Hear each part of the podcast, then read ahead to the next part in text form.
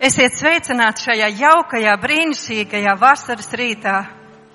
Aicināsim tausu draudzes mācītāju Ilmāru ģermani. Ko Dievs caur viņu mums grib teikt? Lūdzu. Nu, labdien, mīļā draudze! Kā mēs jūtamies svētdienas rītā?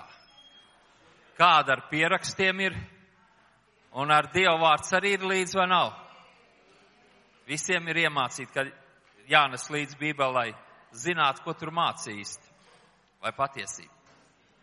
Šodien es centīšos ar jums runāt varbūt par tādām lietām, kas, nu, it kā būtu jāzina mums katram vienam, vai vismaz pēc tām lietām būtu jādzīvo. Bet dzīvē varbūt nevienmēr viss sanāk tā, kā mēs zinām.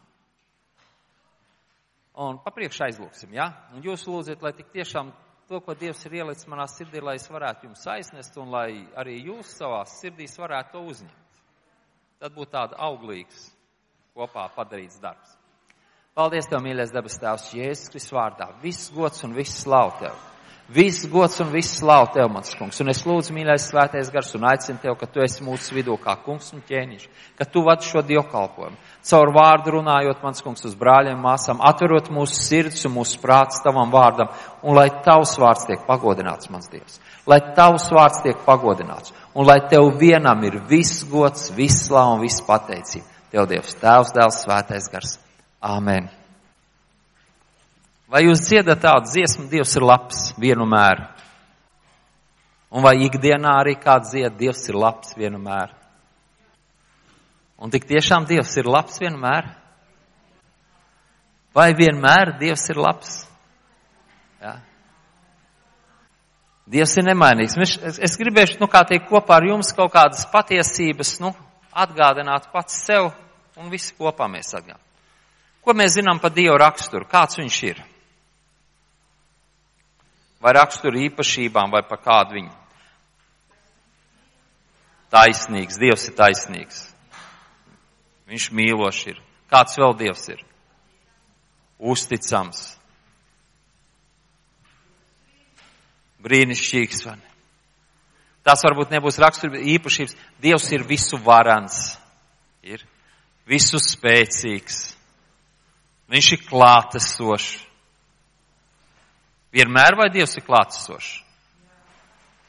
Vai tagad mēs varam iedomāties, kāda Dievs mums blakām sēž kā? Kur tagad Dievs atrodas? Ir tādas lietas, kas mums pašiem ir sev jāatgādina un par tām jādomā, lai tad, kad dzīvē mēs nonākam kādās strupceļos, lai to, ko mēs zinām, lai mēs automātiski tā arī varētu rīkoties. Jo daudzas lietas mēs zinām. Ja nakts laikā tev pamodinās un uh, uzprasīs kādas lietas, varbūt tu mācies atbildēt. Bet vai dzīves krīzes jautājumos vai krīzes brīžos tu mācies rīkoties tā? Kur no mums ir auto vadītāji? Kuriem mašīnas? Visiem. Un uh, kurim ir priekšējā tā piedziņa, priekšējā rite? Mašīnām. Un kurām ir tā pakaļējā piedziņa? Es nezinu, es gāju, kad es mācījos uz tiesības likt, es gāju, un tur bija tanī laikā tikai bija pakļējo piedziņa. Un man šeit viss ir salikts iekšā sakārtots. Ja mašīnā sāks slīdēt, kas ir jādara? Nu, šoferi, kas, ja mašīna sāk slīdēt, kas ir jādara? Īpaši ziemā. Nu, es nedzirdu. Nu, kādā veidā jātaisno? Tās kustības, ko tu darīsi? Lai, lai jūs saprastu, ko, ko, ko. Es esmu mācīts, es esmu mācīts, ka tad, kad tu un tiesības es kā kārtojas, ka tev jāspiež ir bremze, lai apstādinātu mašīnu. Bet tiem, kam ir priekšējā piedziņa, tad, kad tu spiedi, tad, kad mašīna slīd un tu spiedīs bremzi, kas notiek? Viņš neapstājas, viņš iet uz priekšu. Tādēļ ar priekšējo piedziņu es esmu trenējies, mēģinājis, nu nav tāda apstākļa kaut kur speciāli uz ezeru trenēt. Ar priekšējo piedziņu, tad, ja tev slīdēt, tev ir jāspiež gāzi, lai iztaisnot. Ir tā vai nav? Man ir to stāstīšana, tās ir manas zināšanas. Bet tad, kad mašīna man ir slīdējusi, es rīkojos pretīm savām zināšanām. Un divas reizes esmu ziemā, īpaši tad, kad sākās pirmais ledutiņš, es spiedzis brēmas un ielicies apmalē ar mašīnu. Pat taisno iekšā. Un es domāju, bet vajadzēja taču savādāk, vai tad es nezinu? Es taču zinu, un es varu izstāstīt visiem pārējiem, ko vajag darīt. Bet tad, kad ar tevi pašu notiek kāda lieta, tu rīkojies pavisam savādāk. Tas, kā tu esi iemācīts. Un tā, kad mēs nākam pie kunga Jēzus Kristus, mums ir jāmaina mūsu domāšana. Vai par to ir rakstīts Bībelē? Varbūt jūs ziniet, kur par to rakstīts. Varbūt ir vairākās vietās rakstīts. Bet viena no tām rakstvietām ir Romiešu vēstule 12. nodaļa, ka mums jāatjauno savu prāti, laikam tā tur ir apmēram. Tātad ir kaut kādas lietas, kas mums ir jāmaina savā uzvedībā, savā domāšanā. Dievs ir visu varens. Vai tik tiešām jūs ticiet, ka Dievs ir visu varens? Vai tik tiešām? Atbildiet uz jautājumu, ja visu varens Dievs ir, kāpēc notiek tik daudz ļaunas situācijas? Ja Dievs ir visu varens, mums jātiek galā. Vai tavā dzīvē ir kaut kas noticis ļauns? Kā tu esi skatījies to situāciju uz visu varano Dievu? Ko tu esi viņam teicis? Nu, ko visu varanais Dievs, es tavs mīļotais bērns. Kur tad tev palika tavs spēks? Nav kādreiz tā nācies. Varbūt ne teikt, ne uzvesties gluži tā izaicinoši, bet dziļi sirdī padomāt. Kādu laiku atpakaļ kāds pazīstams, nu, brāļu māsas ģimenē, viņiem bija, tā teikt, zemdībās nomira bērniņš, par kuru viņi bija lūguši un bija pateikušies Dievam. Un pēc šī notikuma viņi atbrauc vienkārši parunāties. Tad, kad jau notiek dzīvē kaut kas ļoti traģisks, tad jau gribās uzzināt kaut kādas lietas, kāpēc vai kas ir pa iemeslu. Un pirmais iemesls, ko cilvēki domā, bieži vien ir, kur es esmu vainīgs, ko es esmu izdarījis nepareizi. Kurš no jums ir pie sevis noķēris to domu, tad, kad ar tevi kaut kas notiek, pirmā doma, kur tu esi vainīgs? Varētu būt. Varbūt ir pirmā doma vainot citus, bet tu meklē vaininieku.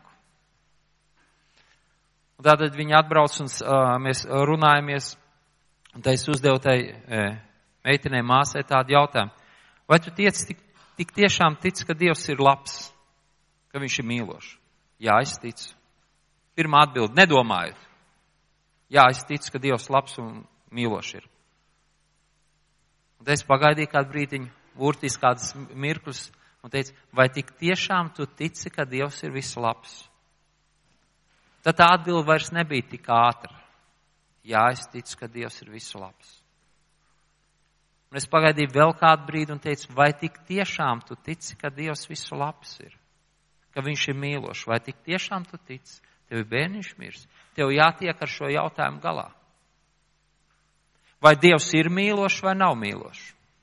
Ka Dievs ir visu varens un spēcīgs, ir viegli pieņemt. Bet, ka Dievs ir mīlošs un ka Viņš tev mīl, vai to vienmēr ir viegli pieņemt? Ka viņš tevi personiski mīl. Kā mīlošs Dievs varēja pieļaut tādu situāciju? Un tad šī māsa viņa ilgāk mirkli domāja, teica, jā, es ticu, ka Dievs ir viss labs. Es saku, tad mēs varam runāt tālāk. Es nezinu atbildes, kāpēc notika tā vai šāda veida.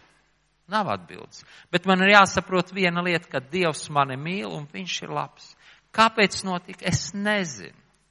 Daudzas lietas mums nav atklātas, mēs nezinām, kāpēc notiek tas vai tas. Un mēs varbūt neuzzināsim arī šeit, kamēr mēs dzīvojam, kāpēc ir noticis. Mēs neuzzināsim. Varbūt mēs uzzināsim, paies ilgo, ilgstāk, ilg, nu, tā, ilgāks laiks, un tu paskatīsies uz atpakaļ, beidzot man saprat, kāpēc tas notika. Paldies tev, kungs! Bet tanī brīdī, kad notiek, vai tu vari pateikties Dievam? Tev bērniņš ir nomiris. Vai tu vari pateikties Dievam? Vai tas neož priekš fanātismu drusku? Raudzē, au! Bērniņš ir nomiris. Pateikties Dievam. Vai tas ir fanātisms vai nav fanātisms? Ir jau tā, drusku tā kā ož pēc fanātismu. Ja? Un tad mums jāiet atpakaļ uz Bībeli, jāsaka, kā tad tur? Ko tad Dieva vārds mums māca? Un ko Dieva vārds mums māca? Tiem, kas Dievu mīl, visas lietas par labu. Un arī tas, ka bērniņš nomirs. Kuram ir bērniņš nomirs no jums? Bet ir savs bērniņš, zemdībās. Tēti, mammas. Kuram ir nomirs? Pavisam savādāk ir, ja tas tev personīgs kā. Ir ļoti vienkārši pateikt citam. Bet ja tas tev personiski, vai tik tiešām Dievs ir mīlošs? Vai tik tiešām viņš ir labs? Vai tik tiešām vienu mēru viņš ir labs? Vai varbūt tomēr ir kaut kādas situācijas, kad nu gluži viņš īsti nesaprot, kas tur notiek ar mums, caur ko mēs ejam cauri, ar ko mēs saskaramies? Cita situācija. Kādam brālim viņu apzaga, viņam noziega mašīnu. Un vēl kaut kādas lietas. Ko viņš bija grūti, sūri grūti, pelnījis, strādājis, un tā mašīnīte bija lolota. Un tagad nozaka ne viņa vainas dēļ, protams. Viņš to mašīnīti bija devis kādam citam paturēt, tur saremontēt, un tā mašīnīte tika nosakt. Un telefons man, ko lai es daru? Un iet stāsts. Nu, kā, kā cilvēks jūtās, tās emocijas, nu, kā tiek stāsts. Un es viņam prasu, vai tu esi gatavs klausīties padomu? Un atkal iet stāst. Pēc kāda brīža, nu, telefonu mēs runājam, vai tu esi gatavs klausīties padomu? Ko tad man būs jāslavē un jālūdz? Vēmiens man no šitādām gudrībām nāk. Saku, tad es neko nevaru palīdzēt. Jo tik tiešām man nav cita padoma, kā tev rīkoties, kad tev ir notikusi nelaime. Man nav cita padoma. Ziniet, ja tu gribi dzirdēt, jā, sāc slavēt, pateikties Dievam, sāc slavēt. Tas ir fanātisms. Tā Varbūt tas ir fanātisms. Man personiski šis fanātisms ir palīdzējis dzīvē.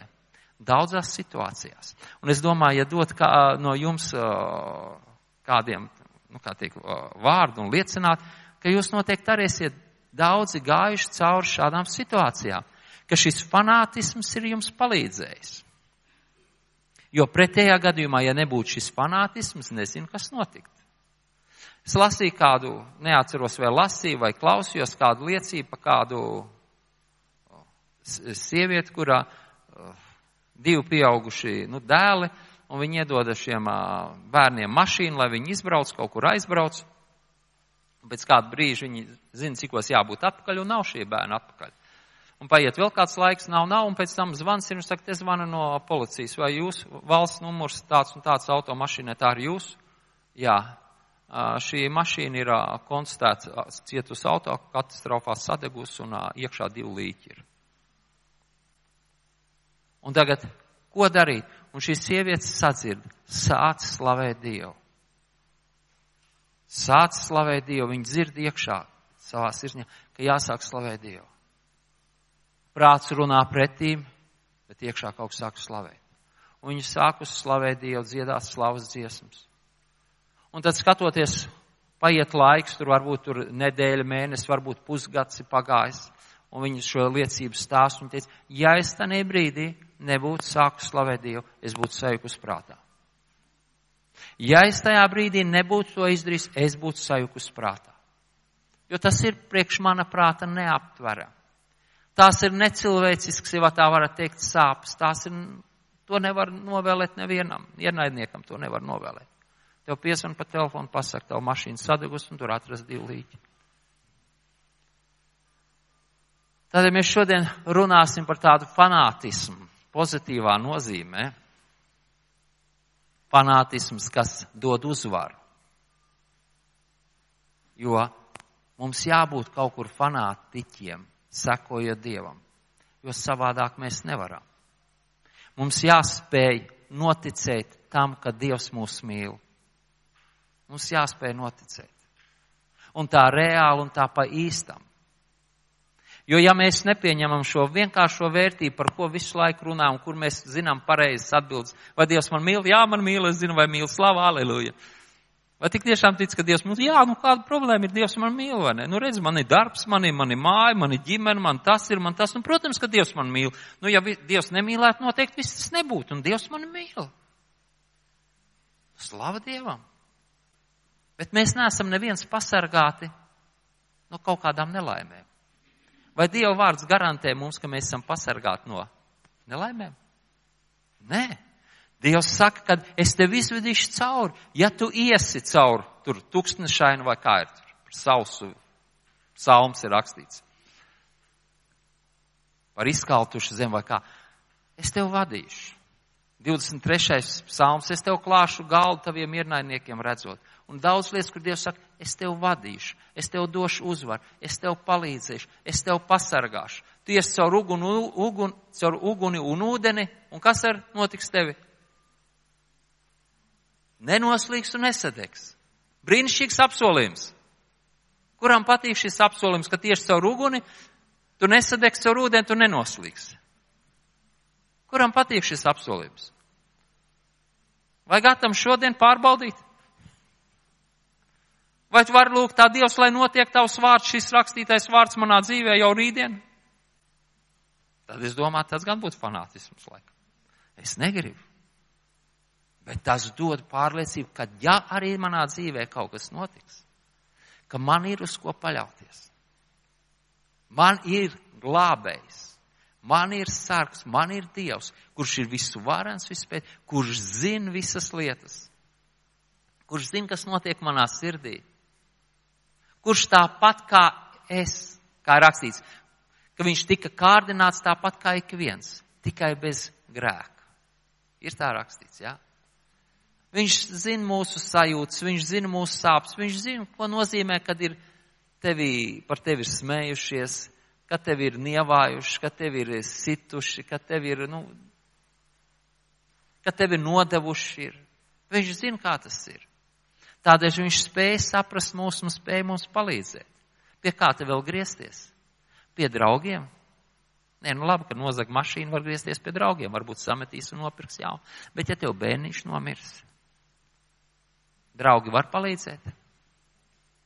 Var, protams, uzlikt kāds roku un mēģināt aizlūgt un teikt, es aizlūkšu tev par tevu māsu vai kas, viss būs labi, Dievs palīdzēs. Varbūt tas palīdz. Nezinu, man ar mani nekas tam līdzīgs nav noticis. Lai Dievs dod. Bet dzīvē notiek kaut kādas situācijas, kurām nav atbildes. Un kā arī tajā uh, situācijā ar to māsu, kurai tas bērniņš nobīr, nu nav atbildes. Bet vai mums ir jādabūna atbildi? Vai mums obligāti jādabūna atbildes uz visiem jautājumiem? Varbūt nav nemazam jādabūna. Kā jūs domājat, jādabūna mums atbildes uz visiem jautājumiem? Kāpēc debesis ir zila? Kāpēc tagad mums ir tik karsts? Kāpēc pagājušajā gadā lietus lija? Tagad viss deg, mūsu tautas pusē kūdras purvs deg. Smaka pat līdz Rīgai atnākus, jā. Kāpēc tas notiek? Kāpēc, kāpēc, kāpēc? Atcerieties, ka bija, ka Jēzus laikam gāja mācekļiem un bija pie baznīcas, teiksim, tur kaut kāds bija cilvēks, kurš bija neredzīgs dzimis. Un kāds no mācekļiem uzprasīs, kura vaina dēļ tas ir, vai tēva vai mācas dēļ, kāpēc viņš ir neredzīgs. Un Jēzus atbildēja, atcerieties, ne tēvs, ne māte, bet lai Dieva darbs parādītos. Ja? Tādēļ neviens nav vainīgs. Vienkārši tā tas ir. Dievs zina, bet mums ne viss ir jāzina. Ir tāds Osvalds Čembers grāmata, zaļa grāmatiņa, katrai dienai lasījumu. Kurš lasa no jums? Ja? Man viņa patīk lasīt. Bija kāds laiks, kad es viņu lasīju, un es īsti nesapratu, man viņa bija pa smagu.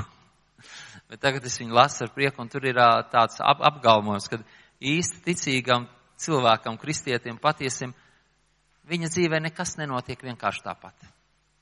Visam ir sava nozīme. Vai mēs varam tāpat dzīvi iet cauri, ka nekas vienkārši tāpat nenotiek? Ja es ticu Dievam, Nekas manā dzīvē vienkārši tāpat nenotiek. Ir tā rakstīts Bībelē vai nav rakstīts? Varbūt ziniet kādu rakstu vietu? Kā pa tiem matiem, kuri visi saskaitīti? Mēs varam, neviens mats no tavas galvas nenokrīt bez Dieva ziņas. Priekš kā viņam zināt, cik mums mati ir? Ko viņš ar tiem matiem dara? Krāj vai vēl kaut ko? Vispār kāda daļa, kuram cik man matu uz galvas. Dievs zina visas lietas. Tātad šis uh, vīrs raksta, patiesi kristiešu dzīvē nekas nav vienkārši tāpat, visam ir savu nozīmi. Un uh, patiesi kristietis viņš mēģina ieraudzīt visās lietās savu, nu kā teikt, jēgu. Kāpēc tas vai tas? Un šodien lasīšu no apustuļu darba 16. nodaļas no 16. pantiņa. Un te ir par Pāvilu un Sīlu, kur iemet cietumā. Noteikti lielai daļai ir zinām raksturvieta un viss šis garais notikums. Kādreiz mums uz lūkšanas vietu ejot, mūs sastap kāda jauna verdzena, kam bija zīlētāji gars. Un zīlētam tā atnes saviem kungiem daudz peļņas. Tā Pāvēlam un mums sekoja un sauc sacīdam, šie cilvēki ir visaugstākā Dieva kalpi, kas jums sludina pestīšanas ceļu. To viņi darīja daudz dienu, Bet Pāvils saskaities un pagriezies atpakaļ sacīgaram. Jēzus Kristus vārdā es tev pavēlu iziet no tās. Un tas izgāja tanī pašā brīdī. Viņas kungi redzēdam, ka zudus viņu peļņas cerības atvēra Pāvilu un Sīlu un vilka tos sev līdz uz tirgus laukumu pie pilsētas valdes. Un to pilsētas pārvalnieku priekšā noveduši sacīja, šie cilvēki ir jūdi un rada nemieru mūsu pilsētā, sludinādami ieražas, ko mums, romiešiem, neklājas ne pieņemt, ne piekopt. Ļaužu pulks sacēlās pret tiem un pilsētas pārvalnieku to no, tiem noplēsa drēbes un pavēlēja tos šaust rīkstēm. Pēc daudz sitieniem viņi tos iemet cietumā un pavēlēja cietums sargam tos stingri apsargāt. Šis dabūjis tādu pavēlu, tos iemet cietuma dziļākā vietā un viņa kājas ielika siekstā. Ap pusnakti Pāvils un Sīla lūgdam Dievu dziedāja slavas dziesmas un ieslodzītie viņos klausījos. Piepiši notika liela zemestrīce, tā kā cietuma pamats sakustējās. Tūdaļ atvērās durvis un visiem nokrita važas. Bet cietumsargs uzmodies un redzēdams cietuma durvis atvērts, izrāva zobenu un gribēja nonāvēties, domādams, ka cietumnieki izbēguši. Bet Pāvils skaļā balsī sauc sacīdams, nedari sev nekā ļaunu, jo mēs visi esam šeit. Viņš sauc pēc uguns, ieskrēja un drebēdams metās zemē, Pāvilu un Sīlu priekšā un izvedz to sārā sacīja, kungi, Kas man jādara, lai es tiktu pestīts? Viņa atbildēja, tici uz kungu Jēzu, tad tu un tavs nams tiks pestīti. Un viņi runāja Dievu vārdu viņam un visiem, kas bija tenī namā. Viņš tos uzņēma tenī pašā naktas stundā nomazgātiem brūcis, un tūdēļ viņš tika kristīts pats un visi viņa piedarīgie. Viņš tos veda savā namā, sēdināja pie galda un priecājās ar visu savu namu, ka ticēja Dievam. Kad diena bija uzausus, pilsētas pārvaldnieks sūtīja tiesas kalpotājs sacītam - atbrīvo šos cilvēkus. Cietums sargs Pāvēlam paziņoja šos vārdus, pilsētas pārvaldnieks sūtījuši, lai jūs atbrīvo. Tad iziet un staigājiet ar mieru sirdī, bet Pāvils viņam sacīja, tie mūsu romieši bez tiesas spriedumu visiem redzot ir šautuši un iemetuši cietumā un tagad tie mūsu slepeni izmeti. Tā nē, lai viņi paši nāk un mūs izvede. Tiesas kalpotāji atstāstīja šos vārdus pilsētas pārvaldniekiem. Tie sabijās, dzirdēdām, ka viņi ir romieši, un tie nāca viņiem atvainojās un izveduši lūdzu iziet no pilsētas. Izgājuši no cietuma, viņi aizgāja pie Lidijas un apmeklēja brāļus, pamācītos un devās ceļā. Tāds samērā garš notikums vairāku dienu garumā, varbūt nedēļas garumā. Mēs varētu iet, iet, iet, iztēloties katrs viens sevi šajā situācijā, kur mēs esam kopā ar Pāvelu un Sīvu. Mēs tā mēģināt, nu tagad tu esi tur ir Pāvils un Sīla, un tu ej pa pilsētu, varbūt te kaut kur pa tirgu, un kāda uh, cilvēks kliedz no muguras, hei, ļaudis, skatieties, šie ir visaugstākā dieva kalpa, kas jums sludina glābšanas vēsts, kā tur rakstīts. Kāda ir pirmā reakcija vajadzētu būt? Kā jūs, kā jūs uztvertu šo pirmo reakciju? Var, var padomāt. Ja tev kāds staigā no muguras un bļaustās. Pirmā reakcija. Nu, tīri cilvēciskā, es tā pa sev domāju, gribētos kaut kādīgi viņu apklusināt.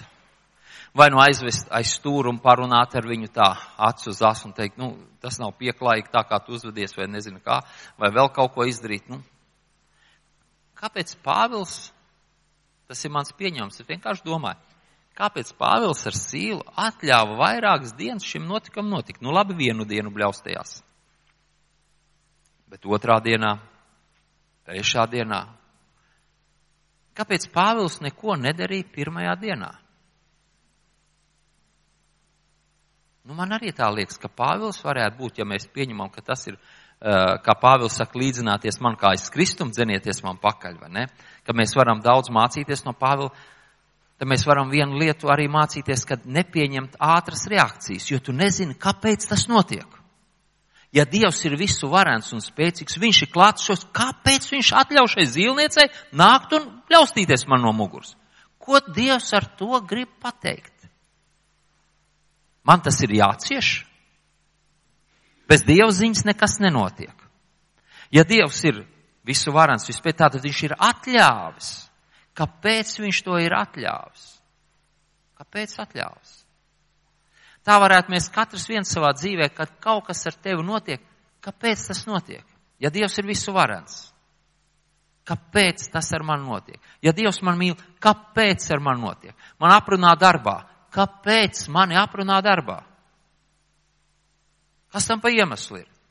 Ko Dievs grib, ka mani aprunā? Starp citu, cik daudz aprunā darbā? Varbūt kādas labas lietas runā par jums. Ko Dievs grib? A, varbūt ne tik labas. Ko tad Dievs grib? Ko tu gribi parādīt sev šo verdzeni? Mums mēs sludinām tavu vārdu. Mēs esam tavu bērni. Mēs esam, nu, apliecinām tevi par savu kungu glābē. Es eju baznīcā, es tur vēl to daru un to. Kāpēc tu atļauj, ka šitā te ar mani rīkojās te? Mums traucē vienkārši. Mēs gribam darīt labu, bet mums traucē. Rakstīts, ka pēc vairākām dievām, pā, pēc dienām Pāvils pagriezās, ka viņš bija dusmīgs palicis, vai kā tur ir pareizi rakstīts. Apskaitās, ja? Bet Pāvils saskaities un pagriezies atpakaļ sacīja garam, Jēzus Kristus vārdu es tev pavēlu iziet no tās. Tātad bija kaut kas jānotiek Pāvila sirdī kaut kādām izmaiņām. Es nezinu, vai viņš būtu spējīgs pirmā dienā pagriezties un pateikt tam garam izēnot tās. Nezinu. Bet te ir kaut kādas lietas, ir laiks gājis, ir kaut kāds nogaidīšanas process bijis. Un tikai tad Pāvils pagriežās un atnes šī vērtzenē, ko viņš atnes? Brīvību. Bet vai ar to stāsts beidzās? Stāsts tikai sākās. Kas notiek? Viņš izdara labu lietu, kas notiek? Izrādās, ka šie veidzernē ir saimnieki, kuri nemazam nav ļoti priecīgi par to, kad Šī verdzene tagad vairs nevar zīlēt un nevar ienest naudu viņiem. Un ko šie cilvēki dara? Tie saskaitušies un sarunājuši vēl kādus līdzi, satver viņus, sagūsta, izgriež rokas uz muguras un ved pie pilsētas pārvaldniekiem. Un saka, šie ir jūdi, kas mums atnesta tādas un tādas mācības, kas tad sadumpo pilsētu. Viņi māca tās lietas, kas mums nepiedarās pat klausīties. Un ko dara pilsētas pārvaldnieki? Viņi uzklausa, viņi liek izsaukt tur armiju vai tur policists vai ko, sasien un iemet cietumā un liek cietumu sargam. Viņus, kā teikt, sargāt. Mēs pienāksim, kāpēc Pāvils atļauj, ka viņu sasien? Vai viņš varēja kaut kādīgi pretoties? Viņš taču varēja teikt, es jau neko sliktu neesmu izdarījis. Vai tā nevarētu teikt? Kurš no mums ir kādreiz cietis, ka pret tevi izturās, nu, nerunāsim pat ļauni, bet izturās netaisnīgi. Tev apsūdz tajā, ko tu neesi darījis. Varbūt darbā kādreiz tev ir bijis, ka tev apsūdz tajā, ko tu neesi darījis. Kā tu rīkojies? Kā tu uzvedies? Vai tu pieņem ar prieku, oh, slavu Dievam, man te apsūdzē, ne par ko neesmu vainīgs, bet slavē Dievu. Vai ir vienkārši? Es pieļauju, ka kādi no jums to ir darījuši. Man daudz, daudz, daudz gadus atpakaļ es strādāju kādā organizācijā, un man izsauca īpašnieks, un es iegāju pie viņa kabinetā. Neatceros, kā viņš teica, un apmēram tā, aktu ļaundara, bet bija savādāks vārds. No šodienas tu esi atbrīvots no darba. Domāju, Es neko neesmu izdarījis, pat nezinu, par ko iet runa. Pa kaitnieku laikam nosauc. Es domāju, ko lai es daru? Darba atbrīvots. Es tur biju neliels, neliels priekšnieciņš. Ko lai es daru? Tas tev jāstrādā ir. Ko tu lai dara? Bet es zinu, ka Dievs bija Dievs tajā laikā gudrību nekurnēt. Kāds bija jau pastāstījis un ka tu nesadusmojies. Un pēc tam šis darba atbrīvojums izvērsās par tādu svētību, kur es baudu joprojām pēc 20 gadiem. Joprojām baudu. Ne tikai mē, es baudu, visa ģimene un apkārtie baudu šo svētību. Bet ja tas nebūtu, tad noticis. Tad laikā es strādāju 20 gadu atpakaļ, cik tas ir, kurš gads tagad ir 2018, tas ir vēl 1900. Un tad bija lati, man alga bija laikam latos 500 latu. Tā bija ļoti liela nauda. Ļoti liela nauda. Un tagad piepieši vienā dienā tu zaudē. Tas ir traģiski. Un ir kaut kāda plāna, ko tu esi plānojis, ko tu darīsi un tā tālāk. Un viss tas, bet kāds bija iemācījis? Laikam baznīcā gāja, kaut kur bija dzirdējis, ka nedrīkst trakot. Nedrīkst trakot. Vienkārši esi pateicīgs. Jo nekas vienkārši tāpat nenotiek. Un tas izvērsās par ļoti labu svētību. Un arī pie, pie rakstura nostrādāja. Un tas ir palīdzējis daudzās citās lietās uz priekšu. Tātad Pāvila apvainoja tanī, ko viņš nav darījis un iemet cietumā. Kāpēc viņš neaizstāvējās? Mēs lasām, ka pulkstens pienāca 12 vai nakts, sasis, sadauzīts, nu varēja taču mēģināt aizmigt, no rīta gaidīt, kas tad būs. A, ko viņš dara kopā ar sīvu? Viņi sāk dziedāt slavas dziesmas. Nu, ir druski fanātiķi. Nu, druski ar to prāti ir laikam no tās sišanas kaut kas tur bija sagājis. Daudz, daudz, daudz tev varbūt trāpīja pa galvu, pa smadzenēm. Tur kaut kas sagriezās un viņi sāk dziedāt slauzdziesmu, bet notika liels brīnums. Pirmkārt, ir rakstīts, kad ieslodzītie klausījās, viņi labi dziedāja. Viņam bija labs balss, viņi labi dziedāja. Viņi izmantoja savus talantus. Un pēc tam notika zemestrīce, durvis atvērās un visiem ieslodzītajām nokrita šīs saites no rokām, zelžu.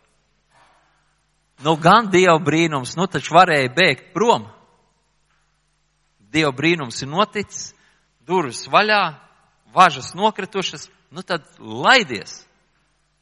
Bet Pāvils atkal neskrien prom. Ap divas sīli, viņi vēl kaut ko gaida. Viņi gaida, kamēr tas skries cietumsargs. Uztrauc viņiem, kas būs ar cietumsargu. Un cietumsargs iemetās un ieraudzīs to visu, viņš grib nogalināties, un Pāvils saka, nedara sev ļaunu, mēs visi esam šeit. Tad cietumsargs saka, ko man būs darīt, lai es taptu glābts? Un viņi pasludina vēstu. Un tad na, visu nakti viņi priecājās kopā ar cietumsargu un visu ģimeni.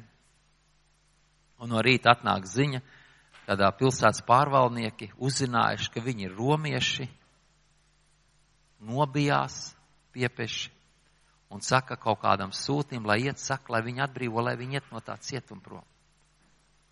Un te no Pāvils ir tik oriģināls, saka, kā?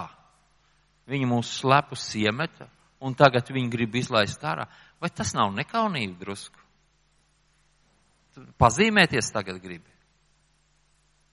Tev vajadzēja tad, kad tevi dauza, Tad, kad viņu daudzīja pirmā reize, tad nevajadzēja kliegt normāli. Es esmu romietis. Jums nav tiesības mani sist, jums nav tiesības bez tiesas sprieduma mani mest cietumā. Vai tas nebūtu daudz loģiskāk? Tas taču būtu daudz loģiskāk. Aizstāvēties. Likums ir tavā pusē aizstāvēties. Piesaukt likumu, saka, pēc tāda un tāda panta Latvijas likumdošanā jums nav tiesības man aizturēt. Jums nav tiesības man aizliegt to. Manā pusē ir likums. Starp cik, cik no mums ir izmantojuši kādreiz likumu, teikuši, ja mūs kaut kur apsūdz, bet likums tāds un tāds, es to drīkstu darīt. Jums nav tiesības man apsūdzēt, vai jums nav tiesības likt man darīt to un to. Mācītāji, tev nav tiesības likt man darīt to un to. Es esmu brīvs cilvēks, ko gribu, to daru. Tā ir. Mēs esam brīvi cilvēki. Ko gribam, to darām. Ir tā vai nav? Nu, ir taču. Gribu dziedu, gribu nedziedu. Gribu stāvu, gribu nestāvu. Ko gribu, to daru. Interesanti, ka Pāvils neizmantoja savas tiesības. Un visā šī stāstā es redzu no Pāvila un Sīles, no šiem diviem vīriem, ka viņa deva visiem šiem notikumiem laiku. Kaut kāda notiek notikums, un viņi nereaģē ātri pretī. Viņi it kā gaida, ko Dievs tu gribēji ar to darīt. Tagad mūs sit. Bums, bums, bums, bums. Ko tu Dievs gribi pateikt ar šito? Oi! Ko tu gribēji pateikt? Oi! Ko tu gribēji pateikt? Oi! Un tagad rokas uz muguras, oi, oi, oi, ko tu tagad gribi no mums? Mūs taču ved uz cietumu, tagad tūlīt iesagūstīs, iemetīs iekšā, kad mēs tiksim ārā. Neviens tur gaļu nedodēs. Un baltie palagi arī nebūs. Ko tu gribi darīt? Ko tu gribi no mums? Mēs taču varētu tagad, varbūt man jākliedz, kad es esmu romietis, man atbrīvos. Un Pāvils Sīla nedara neko. Viņa atļauj lietām notikt. Un tagad mēs brīnišķīgi te pa šo stāstu lasot, es te varu iztēloties aktieru jūsu priekšā un tā tālāk. Mēs redzam notikumu. Kas notikās? Cilvēki tika glābti. Tur tika atbrīvots no ļauniem gariem kāda sieviete. Un mēs redzam šo notikumu. Cik brīnišķīgi ir gaidīšana. Vai gara auglis nav pacietība? Ir tāds gara auglis pacietība. Kā mums ir pacietība? Vai gara auglis nav prieks? Priecāties mēs varam. Vai tik tiešām mēs varam priecāties tad, kad mūs daudz, ka mūs sit? Mēs varam priecāties. Vai tas nav drusku pēc fanātismu neožu? Bet šīs ir tās lietas, kas mums palīdz skatīties uz šiem ticības vīriem un mēģināt atkārtot savā dzīvē kaut ko līdzīgi ar mums notiek. Un tas nav fanātisms. Dieva vārds mums māca par visu, esiet pateicīgi Dievam. Par visu, jā, par visu. Dieva vārds mums māca, ka Jēzus mūs mīla, bez, bez ierunas mīlestība. Ka viņš tik ļoti mīl, ka viņš nomira pie krusta, vai tik tiešām viņš tik ļoti mīl? Jā, viņš mīl. Un viņš to ir pierādījis, viņš to atklājis ir caur savu vārdu un caur savu dzīvi, ko mēs varam lasīt par to. Bet kā ir manā personiskā dzīvē, tu nekad neuzzināsi, ja tu to nepārbaudīsi. Bet man gribās, lai pret maniem taisnīgi, kuram gribās, lai pret tevi taisnīgi izturās? Gatavs roku pacelt, ka pret tevi taisnīgi izturās. Kurš grib, lai pret tevi taisnīgi izturās? Ja? Pa īstam taisnīgi gribās, jā? Ja? Es nezinu gluži, vai tas tā ir rakstīts, bet, ziniet, pasaulē nav taisnības. Nezinu, vai tā gluži rakstīts ir vai ne. Bet pasaulē nav taisnības. Un gaidīt no pasaules, lai pret tevi izturās taisnīgi, ir nav loģiski. Jo viņi to nevar, viņi to nemāk. A, kur tad ir tā taisnība? Pie Kristi, jā. Ja? A Kristus kur ir? Mūsos. Tad kur ir taisnība? Mūsos. Ja pasaulē nav taisnības, bet mūsos ir, tad kas, kas mums ir jādara? Mums jādalās ar taisnību. Mums jādod taisnību tiem, kam nav. pret tevi izturās netaisnīgi, a tu viņam izturies taisnīgi. Tu saki, redz, kāda taisnība izskatās. Tu apzagi mani, bet es tev parādīšu, kā izstāst taisnību. Tas nav fanātisms drusku. Es nezinu, kā dažādās dzīves situācijās. Dzīves situācijās ir tik daudz dažādas. Bet ir kaut kādi piemēri, kur mums māca uzvesties pretēji tam, kā mūsu prātiņš saka. Pretēji tam. Jo Dievam ir nodoms katram mūsu dzīvē. Ir. Cik daudz no jums nav lasījuši ījaba grāmatu? Viens, divi. Nav lasījuši. Es lasīju, nav lasījuši ījaba grāmatu. Tur ir tāds stāsts par kādu vīru. Mēs varam drusku uzšķirt ījavu grāmatu pirmo nodaļu. Pirmā nodaļa no pirmā pantiņa. Uca zemē mita kāds vīrs vārdā Ieps. Šis vīrs bija sirds skaidrs un taisns, jo viņš bijās Dievu un vairījās no ļauna. Viņam bija, tātad kāds viņš bija? Sirds skaidrs un taisns, jo viņš bijās Dievu un vairījās par ļaunu, no ļauna. Kas to liecību nodod par ieebu šādu liecību? Kāds cilvēks? Dievs nodod par šo vīru. Kurš gribētu par sevīm dzirdēt no visa varamā balsi? Ka tu esi sirds skaidrs un taisns un bīsties Dievu un vairies no ļauna. Tu esi ritīgs vīrs ritīga māsa, vai ne? Līdzīga, nerunājot par draudzu cerību, bet vispār visā Rīgā un Latvijā nav līdzīga tev. Un ja ņem tā arī uz Baltiju, nu cik tā, tā Baltija liela, cik tā tie miljoni ir vien? Vien tāda normāla pilsēta, ja? Nav līdzīga tev. Un pēc tam ar šo vīru, tie, kas nav lasījuši, tie, kas ir lasījuši, zina, ka notiek bēdas viņam visi viņa īpašumi tiek aiziet bojā vai nolaupīti. Viņa bērni aiziet bojā, viņam bija cik tur tie bija 11 bērni vai 7 un es, dēlu un uh, meita bija. Visi aiziet bojā vienā dienā. Un tad sieva saka, ko tu vēl gaidi no Dieva atsakies un mirsti. Un viņš saka tos vārdus, Dievs ir Dievs, Dievs ir ņēmis, lai slavēts tas kungs ir. Pēc tam pie viņa atnāk trīs draugi pēc kādiem vairākiem mēnešiem, kad uzzinājuši, ka viņš pats saslimst un viņš ar akmeni kasa savu miesu. Un tā miesa rakstīts, viņa ir tāda kraupaina, tā kā zviņa tur sakalst un pūžņo un plīst, vai ne, un, un, un viņš no sāpēm vaidu, ne viņš naktī var aizmigt, ne viņš dienā var aizmigt, viņa, viņš ož un smako, ka viņš laikam izlikts varbūt kaut kur uz ielas ārā, kaut kur pie durvīm, kur var strādāt kādi bērni tur. Nu, traģiski. Vistuvākie cilvēki viņiem pagriež muguru, un tie, kas tur pilsētā vai kur, nu, kā teikt, nebija nekas kaut kādi tur slikti cilvēki, pat iesmējās par viņu un tā tālāk. Un šie trīs draugi atnāk un saka, paklausies, īsti doma vai ne, tu esi grēkojis. Jo nevar notikt ar taisnu cilvēku šādas lietas. Noteikti tikai ar grēcinieku tādas lietas notiek. Un tas ir pamatot, nu kā, kā var, ja tu esi pareizs, kā var notikt ar tev tādas lietas. Jo ar taisnajiem ir tā, nekas ļauns nenotiek, ir tā. Ar tiem, kas Dievu mīl un paklausīgi ir, ar viņu nekas nevar notikt slikts, jo Dievs ir apkārt ap viņu. Starp citu, šeit ir rakstīts, Kad sātens nāca pie Dieva, viņš saka, esi mūri uztaisījis vai žogu uztaisījis ap viņu. Viņam nekāds ļaunums nevar notikt. Un vai tā paveltījums bijis tās Dieva? Vai nav tā, ka kaut kāds labumiņš viņam atkrīt no tā Dieva?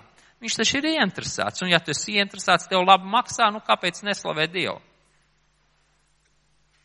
Nākt uz baznīcu, ka tev dot humāno palīdzību, ka tev izdala tādas dāvans un tādas dāvans, ja tev ir dzīvokļu parāds, draugi savā, sanāk kopā, savāc kolektu un palīdz tev atmaksāt dzīvokļu parādu.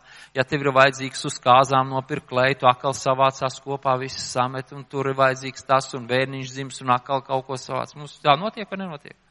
Mēģina kaut kādīgi atbalstīt. Nu, kāpēc nenākt uz baznīcu? Nu?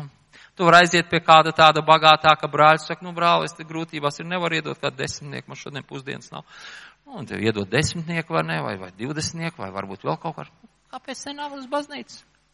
Mums vienreiz dievkalpā bija, mēs uh, vācam, uh, nu, ziedojumu, bez dievkalpam, vai tā, ka ziedojums tik savāk viens pienāk klāt.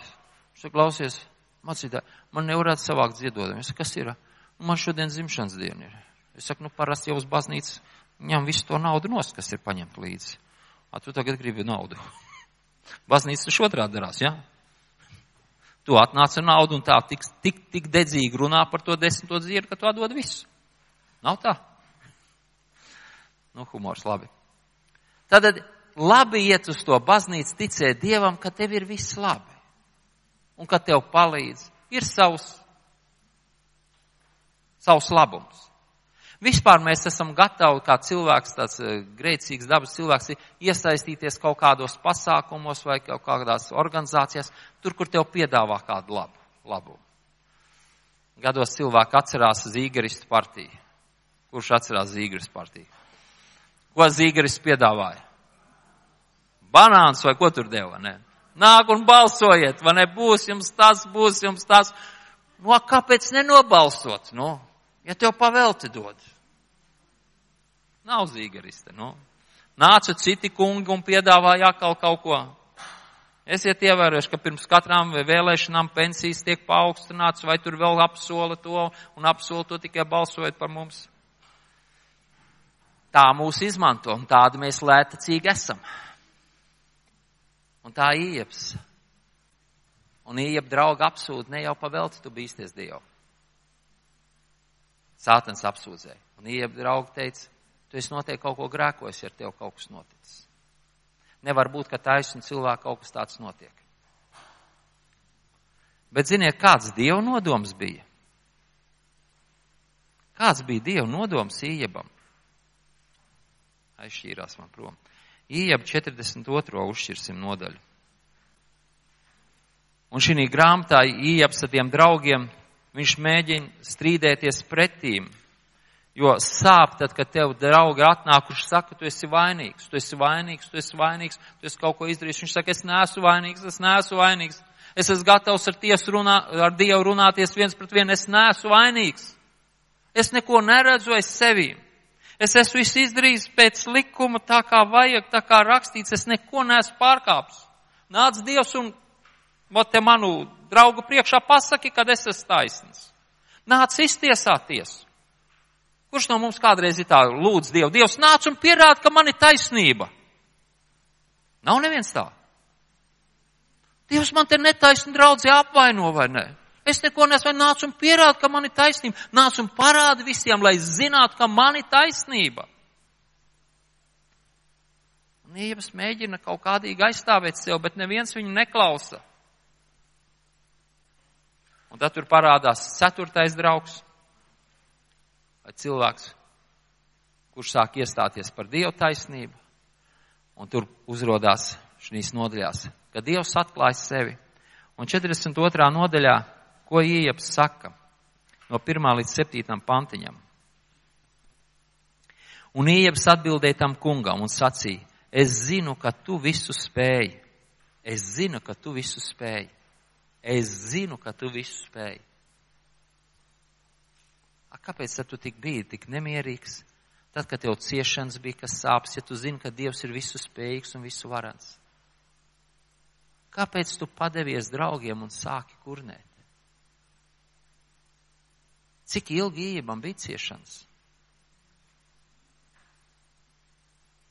Es nezinu, bet kaut kur rakstīts, kad viņš saka, ka mēneši ir pagājuši, kad viņš ciešanās. Trīs mēneši varbūt trīs mēnešus. Tev trīs mēnešus tu guli, un tev sāpes ir un ciešanas.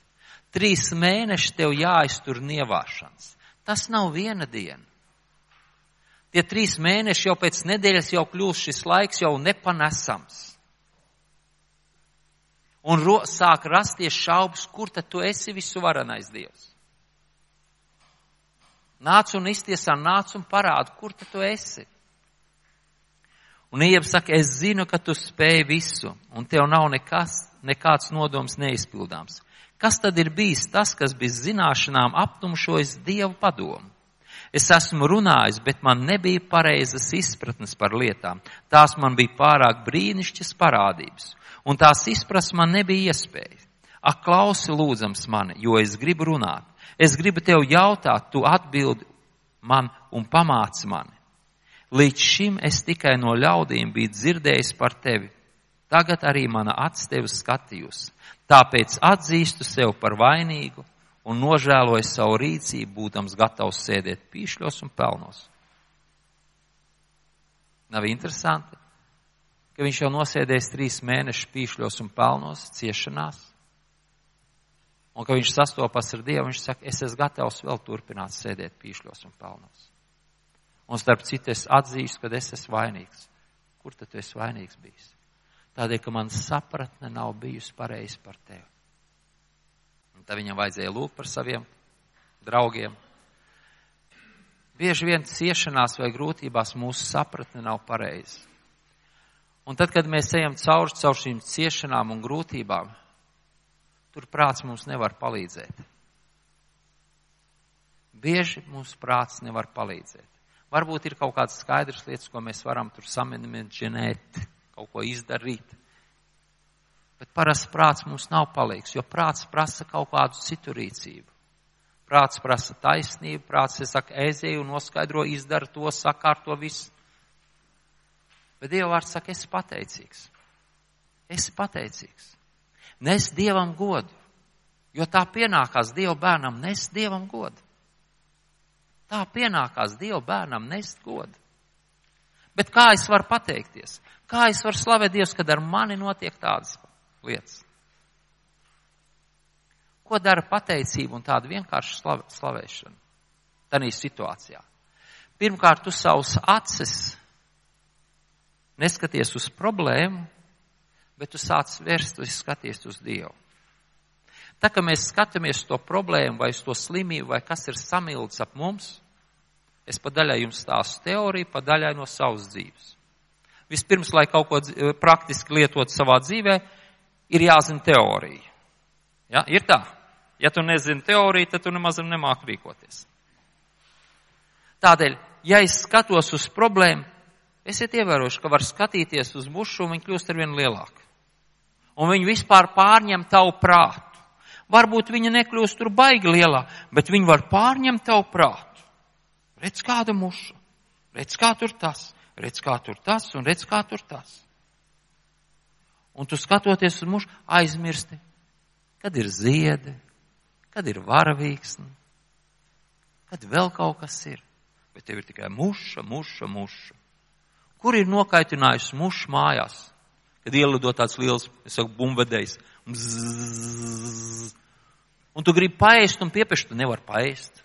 Nerunājot jau par bībeles lasīšanu, vai vēl kaut ko tu, vai tu tur televizoru, vai ko tu skaties. Tu nevari, jo tā muša visu laiku zzz, un tad viņa pazūd.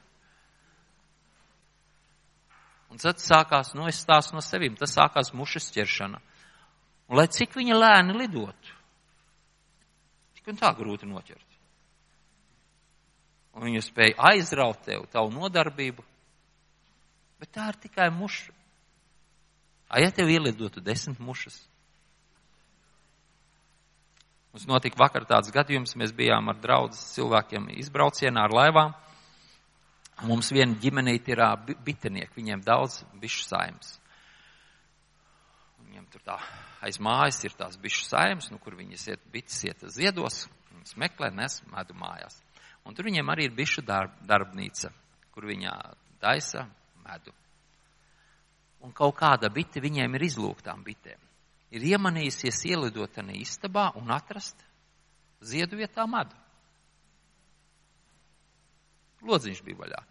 Nekad līdz šim tā nebija noticis. Un kas notiek, ka viena bita atrod medu?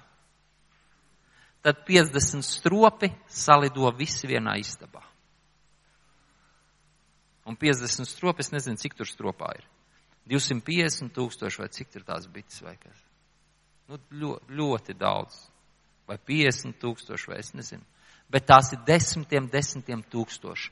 Bites salido vienā istabā. Un ko viņas dara? To, ko viņas savākuši, viņas tagad atkal nes uz māju. Ko darīt? Un viņiem vēl tiem cilvēkiem, viņiem ir viesumāja. Pirmā stāvā viņiem ir darbnīca, un otrā stāvā viņiem, nu, nu viesumāja, kur cilvēki atbraucās, nu, brīvdienās, izmanto pakalpojumus. Un viņiem vēl tādā viesumājā cilvēki dzīvo. Un viņi paši aizbraukuši ekskursijā. Tātad mēs laiviņām braucam par upi. Mierīgi braucam tālu no dzimtās vietas. Upē tu esi. Tev piezvana tajā brīdī, kad zona bija un izstāst tādu lietu, ko darīt. Aizskriet tu nekur nevari. Tev nav transporti, tikai laiviņi. Tu atrodies kaut kur. Ko darīt? Ir izvēle. Viņi vienkārši lūdz Dievu, es nezināju. Tad, nu, lūdz Dievu. Bet mums vienmēr ir izvēle, ko mēs varam darīt. Viena muša spēja nokaitināt, tā kā ir, ka tūkstošiem bites. Tādēļ, ja es skatīšos uz problēmu, viņi var pārņemt mani. Bet, ja es skatīšos uz Dievu, tad mani pārņem kas? Dievs pārņem. Tam, kam tu pievērsi savu uzmanību, to tu pagodini. Ja tu kādam pievērsi savu uzmanību, to tu pagodini. Ja tu runā, cik tev slikti ir tas un tas un slikti, tad tavā dzīvē tas, nu, tu pagodini tos sliktos apstākļus. Bet ja tu skaties uz Dievu, tu pagodini viņu. Tādēļ mums ir ļoti svarīgi jāzina, ko mēs pagodinām. Ar savu uzmanību, ar saviem vārdiem. Tam, ko es pagodinu, tam es atļauju darboties savā dzīvē. Es savus ausis atveru, es klausos, es dzirdu. Tātad, ja es pagodinu problēmu, es atļauju problēmai runāt savā dzīvē. Es atveru savus ausis, klausos, ko problēma runā. Ko problēma runā? Dažādās situācijās. Vienam problēma kliedz, otram viņa liek kaut kur lekt un skriet un kaut ko darīt. Bet, ja es raugos uz Dievu, es varu saņemt no Dieva, ko man darīt. Ar mani ir noticis tas, tas, ko man būs darīt. Un, ja mēs skatāmies uz Pāvils, to, ko lasījām, bija tas laiks gaidīšanas.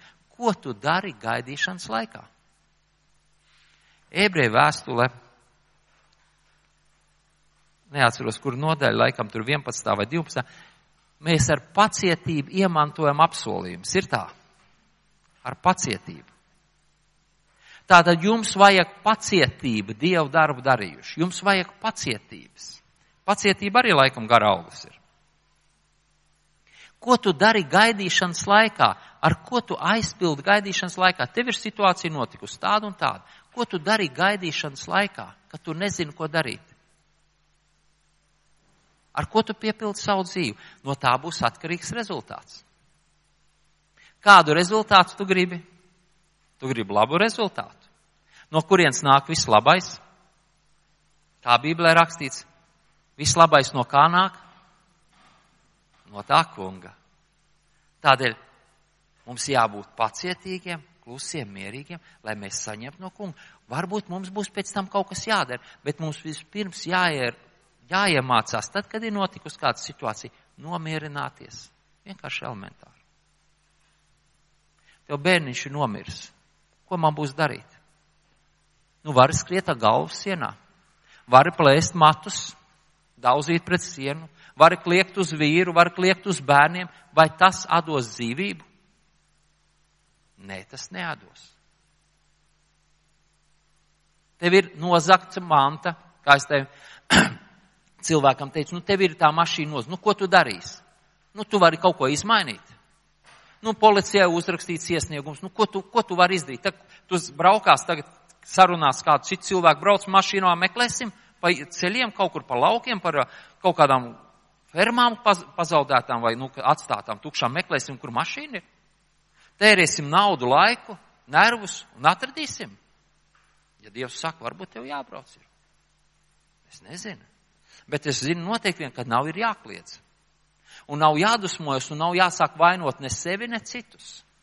Vienkārši tāda situācija ir notikusi. Iejabu situācijā viņu apzaga, bērnu aizgaivo. Kāpēc? Ko Dievs gribēja?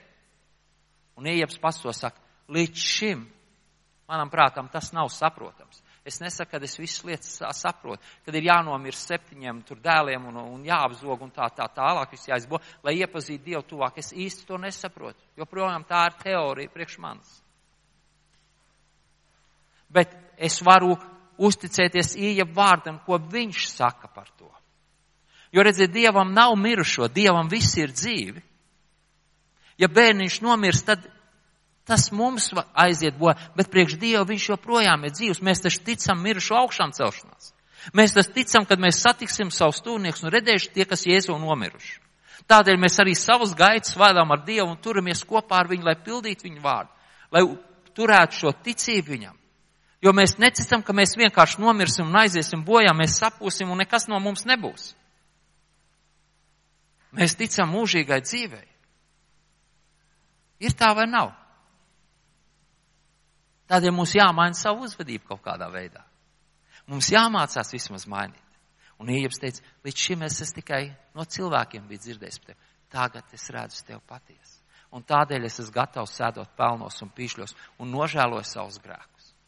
Ja tavā dzīvē kaut kas notiek, vai mēs varam pieņemt, ka nekas nenotiek bez Dieva ziņas, ka Dievs vēlas kaut ko man iemācīt. Tas ir tāpat kā skolā. Bērns pilna pilda uh, mājas darbu vai to uh, kontrolu darbu, un viņš atbild viss pareizi, un atzīme ir ielikt ne tik augsta, kā viņš ir gribējis. Un viņš skolotē, kāpēc? Kāpēc man tik zēm es atbildēju pareizi?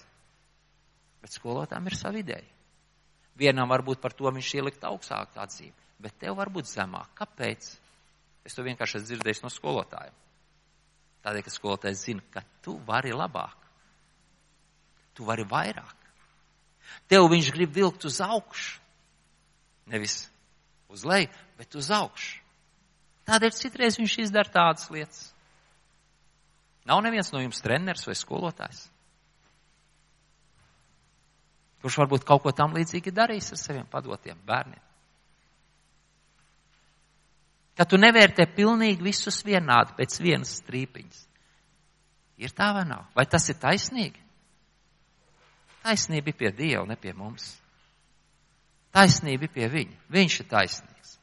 Mums nesaprast visas lietas. Cilvēks, tad, kad ir neapmierināts, zudās, viņš paaugstina problēmu. Un tad cilvēki brīnās, kāpēc ar mani notiek ļaunas lietas. Ar citu nekas nenotiek, bet ar mani notiek. Nu, ko tu pagodini, tas tev notiek. Tādēļ beidziet, ja gadījumā kādam ir tāds niķis zudīties un būt neapmierinātam, izbeidziet. Izbeidziet to darīt. Raugieties uz Dievu tik vienkārši. Bet tas fanātisms var būt, bet man tas palīdz. Man tas palīdz. Vienmēr, nu līdz šim ir palīdzējis. Bet ja notiks kaut kas traģiskāk, nu es nezinu, kā es rīkošos, bet es centīšos rīkoties tā. Es nepiesaucu nelaimes, saku, o, es esmu atvērts. Dievs nāca un man pārbaudi. Varbūt vēl pietrūks drosmes. Lūk tā. Pateicība atver debesis. Ebrejiem 10.34 rakstīts, ar prieku uzņēmuši savus mantas nolaupīšanu. To es vienkārši priekš tā cilvēku, es domāju, man vajadzēja redz, kur rakstīt viņam pateikt, ka viņam nolaupīja mašīnu. Rīkojas tā kā rakstīts. Redz, ka tur jau iepriekšie ticīgie bijuši, un viņiem arī tur ir bijuši mantas nolaupīšana, tas, tas, viņi ar prieku ir uzņēmuši, jo viņi, starp citu, mēs varam atvērt ebrejiem desmito nodaļu, ebrejiem 10.34. Jo jūs esat cietumniekiem līdz cietuši un ar prieku uzņēmuši savus mantas nolaupuši, zinādam, ka jums ir labāka un paliekamāka manta. Tāpēc neatmetiet savus cerības drosmi, tai ir liela alga. Jo jums vajag pacietības, lai Dievu prāt darījuši iemantojums apsolījumu. Jo vēl maz brīdis, un tas, kam jānāk, nāks un nekavēsies. Bet mans taisnais no ticības dzīvos, un to, kas atkāpjas, man nav labs prāts. Mēs varam priecāties tā, ka mums kaut kas notiek. Vienmēr. Vai vienmēr mēs varam priecāties? Jā, vienmēr. Vai tik tiešām vienmēr? Jā, tiešām vienmēr. Vai vienmēr izdodas? Nevienmēr. Bet es gribu censties no reizes uz reizi. Es gribu censties. Es gribu, es trenējos. Ir brīži, kur es ticis, kā teikt, un var pastīties apkalmā, lai cilmā rusi sev uz pleca, tu izturēji, tu izgāji cauri. Bet ir brīži bijuši, ka nav tā bijis. Ir brīži, ka nav tā bijis. Vienmēr tas, tas kārdinājums vai tas pārbaudījums pienāk kurā brīdī? Tad, kad tu negaidi.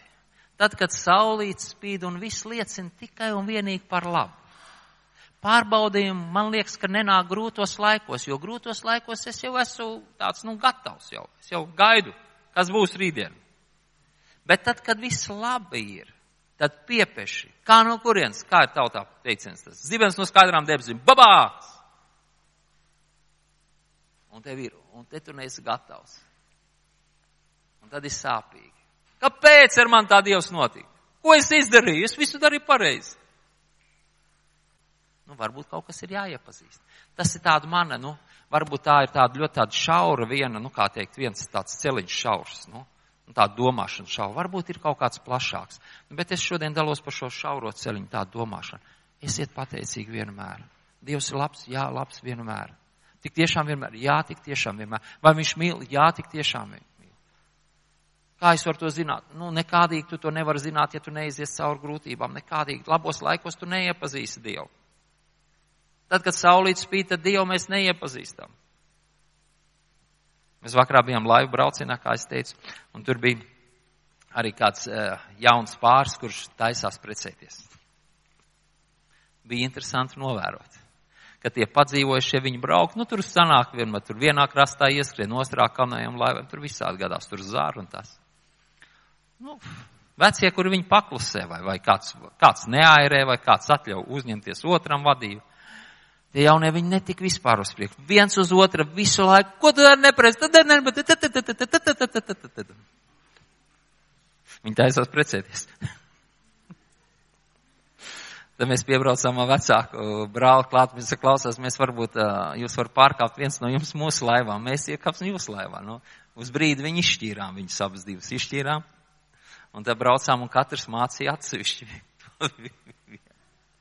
Un tad mēs nobraucām kādu gabalu, un tad tādā laikā es stāstīju, paklausīju, saku, ja tu, tu pirmo reizi brauc laivu? Jā, pirmo reizi. Saku, A viņi brauc pirmo reizi? Arī pirmo reizi. Kurš no jums kāds zina, kā airēt? Neviens nezina. Bet mācīt viens otru zinu, vai ne? Un bļaut, ka nepareizi arī zina. Es saku, skaties līdzi. Ja tu kaut ko nezini, nedara labāk neko. nu tā pamazām, pamazām mēs tur pabraucām, pēc tam atkal viņi pārsēdās, nu aizgāja jau. Aizgāja labāk. Ko es gribēju to pateikt? Dievs kaut ko vēl iemācīties mums. Pateicīgi vienmēr, jā, vienmēr. Dievs labs vienmēr, jā, vienmēr. Viņš mīl, jā, mīl. Fanātisms var būt. Man tas palīdz. Kā jums? Vai jūsu fanātisms kādreiz jums ir palīdzējis? Vai jūs liecināt arī draudzē, ka fanātisms palīdz? Un kāds klausās un saka, ko te vispār māca par fanātismu? Mēs taču neesam nekādu fanātiķi. Nē, mēs neesam fanātiķi, mēs esam ticīgie. Mēs ticam Dievu vārdam vairāk nekā sev. Un mēs paļaujamies uz Dievu vairāk nekā uz sevi. Jo mans prāts ir ierobežots. Dievs visvarans, visspēcīgs. Viņš zina visas lietas. Nu, uz ko tad man vēl uzticēties? Mans prāts noveda sava, savā dzīves, nu, kā teikt, gaitā tur, kur es negribu atrasties vairāk. Tas bija mans prāts, kas aizveda tur. Un tad man vajadzēja kliegt un nākt pie Dieva. Un paldies, ka Dievs uzrunāja un atklāja sev. Ja viņš to nebūtu izdarījis, es nezinu, kas būtu bijis. Kāpēc man vēl vienreiz pārbaudīt to? Es tagad cenšos pārbaudīt to patiesību, kas tur ir rakstīta. Un, ziniet, katru reizi, kad tu kaut kādu lietu pārbaudi, ir priecīgāks prāts. Un te es varu dziedāt dziesmu. Dievs ir labs, vienmēr. Es varu dziedāt dziesmas tur līdzi vai nekas skatīties, un tās ir reāls. Tas tik tiešām ir reāls. Tu ir uzrakstījis cilvēku, kuri gājuši cauri kādām grūtībām. Bet bez grūtībām, diemžēl, nekas nenotiek. Tad, kad saule spīd, tad tu neuzzināsi, vai tev mīl tas otrs vai nemīl. Bet tad, kad mākoņi sanesās tavā laulībā, vai tur kaut kādās attiecībās, tad tu zini, ko tas cilvēks domā par tevi. Kā viņš izturās? Ir tā vai nav? padzīvojušie jau, kur izgājuši jau kaut kādas lietas. Grūtībās mēs uzzinām. Tad, kad naudas nav, tad mēs uzzinām, kā otrs izturās pret naudu, kas viņam ir svarīgs. Tad, kad slimības tas saslims, tad es redzu, kā tas otrs izturās, vai viņš atnes man ūdentiņu, vai neatnes, kā viņš man apkop. Tad es uzzinu, kāda ir tā mīlestība. Par ko tik daudz dzējoļu sarakstīt, viņi tādu un tādu un tādu. Kāda viņi tāda? Un tā, kad tev ūdens glāzes pienes, tā, kad tev apsedz, tā, kad tev galv, galviņu paglāst. Jā, kāda viņi ir? Nu tā. Tas ir apmēram to, ko es gribēju jums pateikt. Tātad pas, pasaulē taisnības nav vēl tāda savilkuma, tur viņas nevar, bet mēs esam šie taisnības nesēji. Pasaule grib no mums dabūt to taisnību, tad rādīsim, kāda ir tā taisnība, radīsim to pareizo uzvedību, rādīsim, kāds tas Dievs ir. Jo viņi nezina. Jāņa evanģēlē rakstīts, ka svētais gars nāca, lai pārliecinātu pasauli par grēku, taisnību un tiesu. A svētais gars mūsos mājo. Kā te viņš pārliecinās to pasauli. Ja mēs uzvedīsimies tā kā pasaulē, tad viņi neuzzinās par Dievu. Mums ir jārīkojas pareizi. Mums ir jāpiedod. Mums ir jāpagriež otrs vaigs. Ir tā vai nav? Ākā pēc fanātismu mūža. Lūk tā. Nobeigšu ar vārdiem. Vai nav jauki? Lai Dievs jūs visus svētītu.